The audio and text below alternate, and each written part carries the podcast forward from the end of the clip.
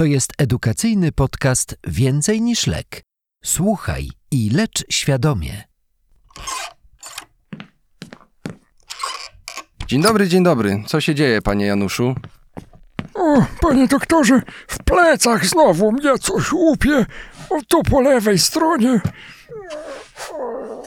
Mhm. I od kiedy pana tak łupie? Ja wiem, za dwie godziny przed przyjściem tutaj. A przedwczoraj mnie podobnie bolało. No, trochę mniej jak dzisiaj, ale trzymało godzinę i puściło. Aha, a dzisiaj też puszcza? No, teraz trochę mniej czuję. No dobrze, a czy ten ból może gdzieś promieniuje? No tak jakby tutaj. Mhm. Do, do pachwiny, tak? Mhm. A na coś pan choruje? E, Nie, nie. Nic, nic? Nawet nadciśnienie? O, biorę tam jakieś tabletki na ciśnienie, cukier, no, takie. Świetnie. Mhm. I widzę, że zawał serca też pan miał. O, tak, miałem, a to pięć lat temu. Dobra. Proszę usiąść na kozetkę, zbadam pana. Proszę odsłonić klatkę piersiową i ramię do zmierzenia ciśnienia. O, dobrze, dobrze już.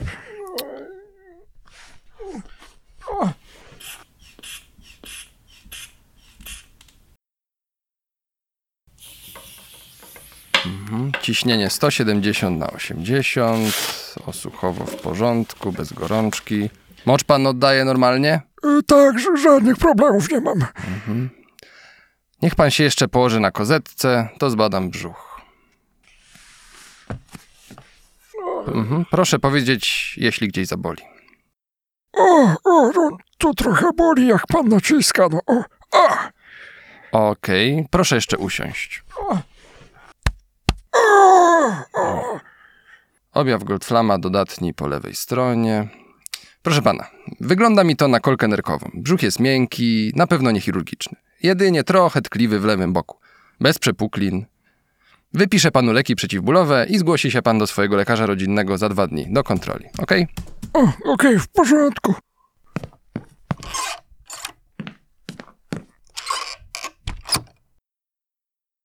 Drogi słuchaczu, zastanów się, jak należy postąpić w przedstawionej sytuacji.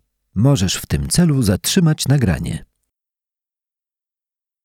Mijają cztery godziny. Pacjent wraca, tym razem na SOR, przywieziony przez zespół ratownictwa medycznego w obrazie zatrzymania krążenia. Podjęta przez ratowników resuscytacja okazuje się nieskuteczna. Późniejsza sekcja zwłok wykazuje pękniętego tętniaka aorty brzusznej i masywny krwotok do przestrzeni zaotrzewnowej.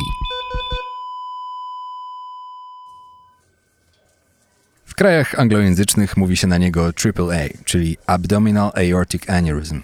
Tętniak aorty brzusznej jest nieprawidłowym poszerzeniem światła głównej tętnicy powstałym na skutek miażdżycy i najczęściej znajdowany jest przypadkowo. Zdarza się, że niestety dopiero gdy dochodzi do pęknięcia z poważnym krwawieniem, tak jak u naszego pacjenta. Od 50 do nawet 80% chorych nie wie o tej tykającej w brzuchu bombie. Mm, Przyznam, że nie pomyślałbym o tętniaku aorty. Obraz kliniczny rzeczywiście przypominał kolkę nerkową. Dlatego zawsze, gdy zgłasza się do ciebie pacjent po 50 z nagłym bólem brzucha lub okolicy lędźwiowej, musisz takie rozpoznanie jednoznacznie wykluczyć. U osoby z pękniętym tętniakiem aorty brzusznej oraz wstrząsem przeżywalność spada o 1% na każdą minutę opóźnienia leczenia operacyjnego. Słyszysz? Słyszę i zapamiętam. W połowie przypadków pacjenci umierają przed dotarciem do szpitala, a z tej grupy znów tylko połowa przeżyje operację. Czyli to, co powtarzają od początku studiów. Zawsze dokładnie zbadaj pacjenta. Tylko co w tym przypadku można było więcej zrobić? Dokładniej zbadać brzuch? Może parametry wstrząsowe były nieprawidłowo zmierzone? Niestety samo badanie kliniczne jest tutaj niewystarczające. Musisz sięgnąć po najprostsze badanie obrazowe, którego czułość sięga nawet 100%. Dobra, już się domyślam. USG, jamy brzusznej i aorty. Oczywiście, o ile uda się ją uwidocznić. Jeśli nie, to badanie jest niediagnostyczne. Mimo ograniczeń tej metody i trudności w obrazowaniu dyskretnych zmian, nie mamy innego tak dostępnego i dobrego narzędzia jak USG. Czyli skierowanie do radiologa na CITO. No tylko co jeśli nie ma możliwości wykonania badania w rozsądnie krótkim czasie?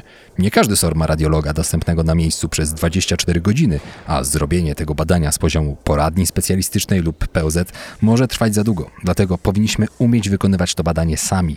Daje to możliwość postawienia szybkiej diagnozy bez wiezienia pacjenta do pracowni, szczególnie mając w pamięci wzrastającą śmiertelność z każdą minutą opóźnienia leczenia operacyjnego. Tak, no tyle, że nie czuję się zbyt pewnie w USG brzucha. No kursy są drogie i w No, to, to ćwiczy ręce jak tylko masz okazję. Ultrasonografy są przecież coraz łatwiej dostępne. Bierzesz głowicę, przykładasz powyżej pępka 2-3 cm na lewo od linii pośrodkowej, tak żeby zobrazować aortę na jak najdłuższym odcinku. Jeśli na początku nic nie widzisz, a pacjent jest otyły, naciśnij głowicą lekko i spokojnie, żeby gazy z jelit powoli rozsunęły się na boki.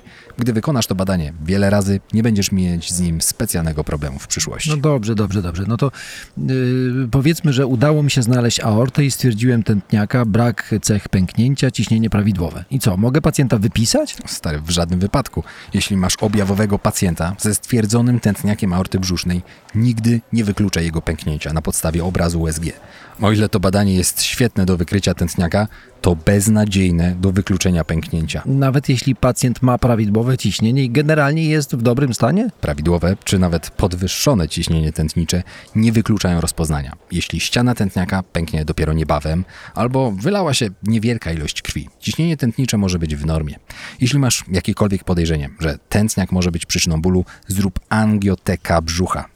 Czy moglibyśmy jeszcze pokrótce omówić leczenie pękniętego tętniaka? Od razu na chirurgię naczyniową, tak? Dokładnie, i to jak najszybciej. Dzwonisz, ustalasz, wysyłasz im grupę krwi pacjenta. W międzyczasie kontrolujesz ciśnienie, najlepiej za pomocą beta-blokera dożylnie, tak by skurczowe nie przekroczyło 120.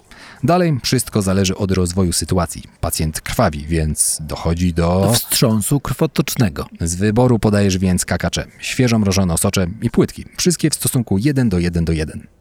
Co dalej? Pomyślałbym o tym, że pacjenta cholernie boli. Morfina? Dokładnie, miaryczkujesz ją. Kontrola bólu pozwala też na lepszą kontrolę ciśnienia.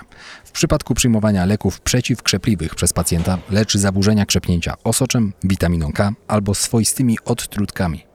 Dzięki. Rozjaśniłeś mi wiele kwestii. Super.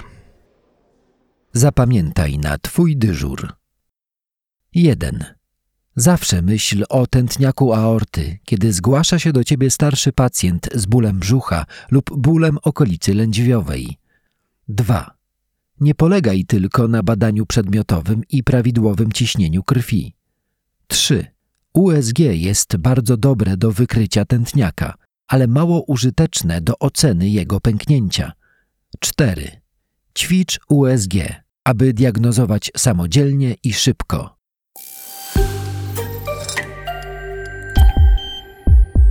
Nagranie powstało w ramach współpracy projektów edukacyjnych Twój dyżur i Więcej niż lek. Po więcej informacji i ciekawych historii pacjentów wejdź na twójdyżur.pl.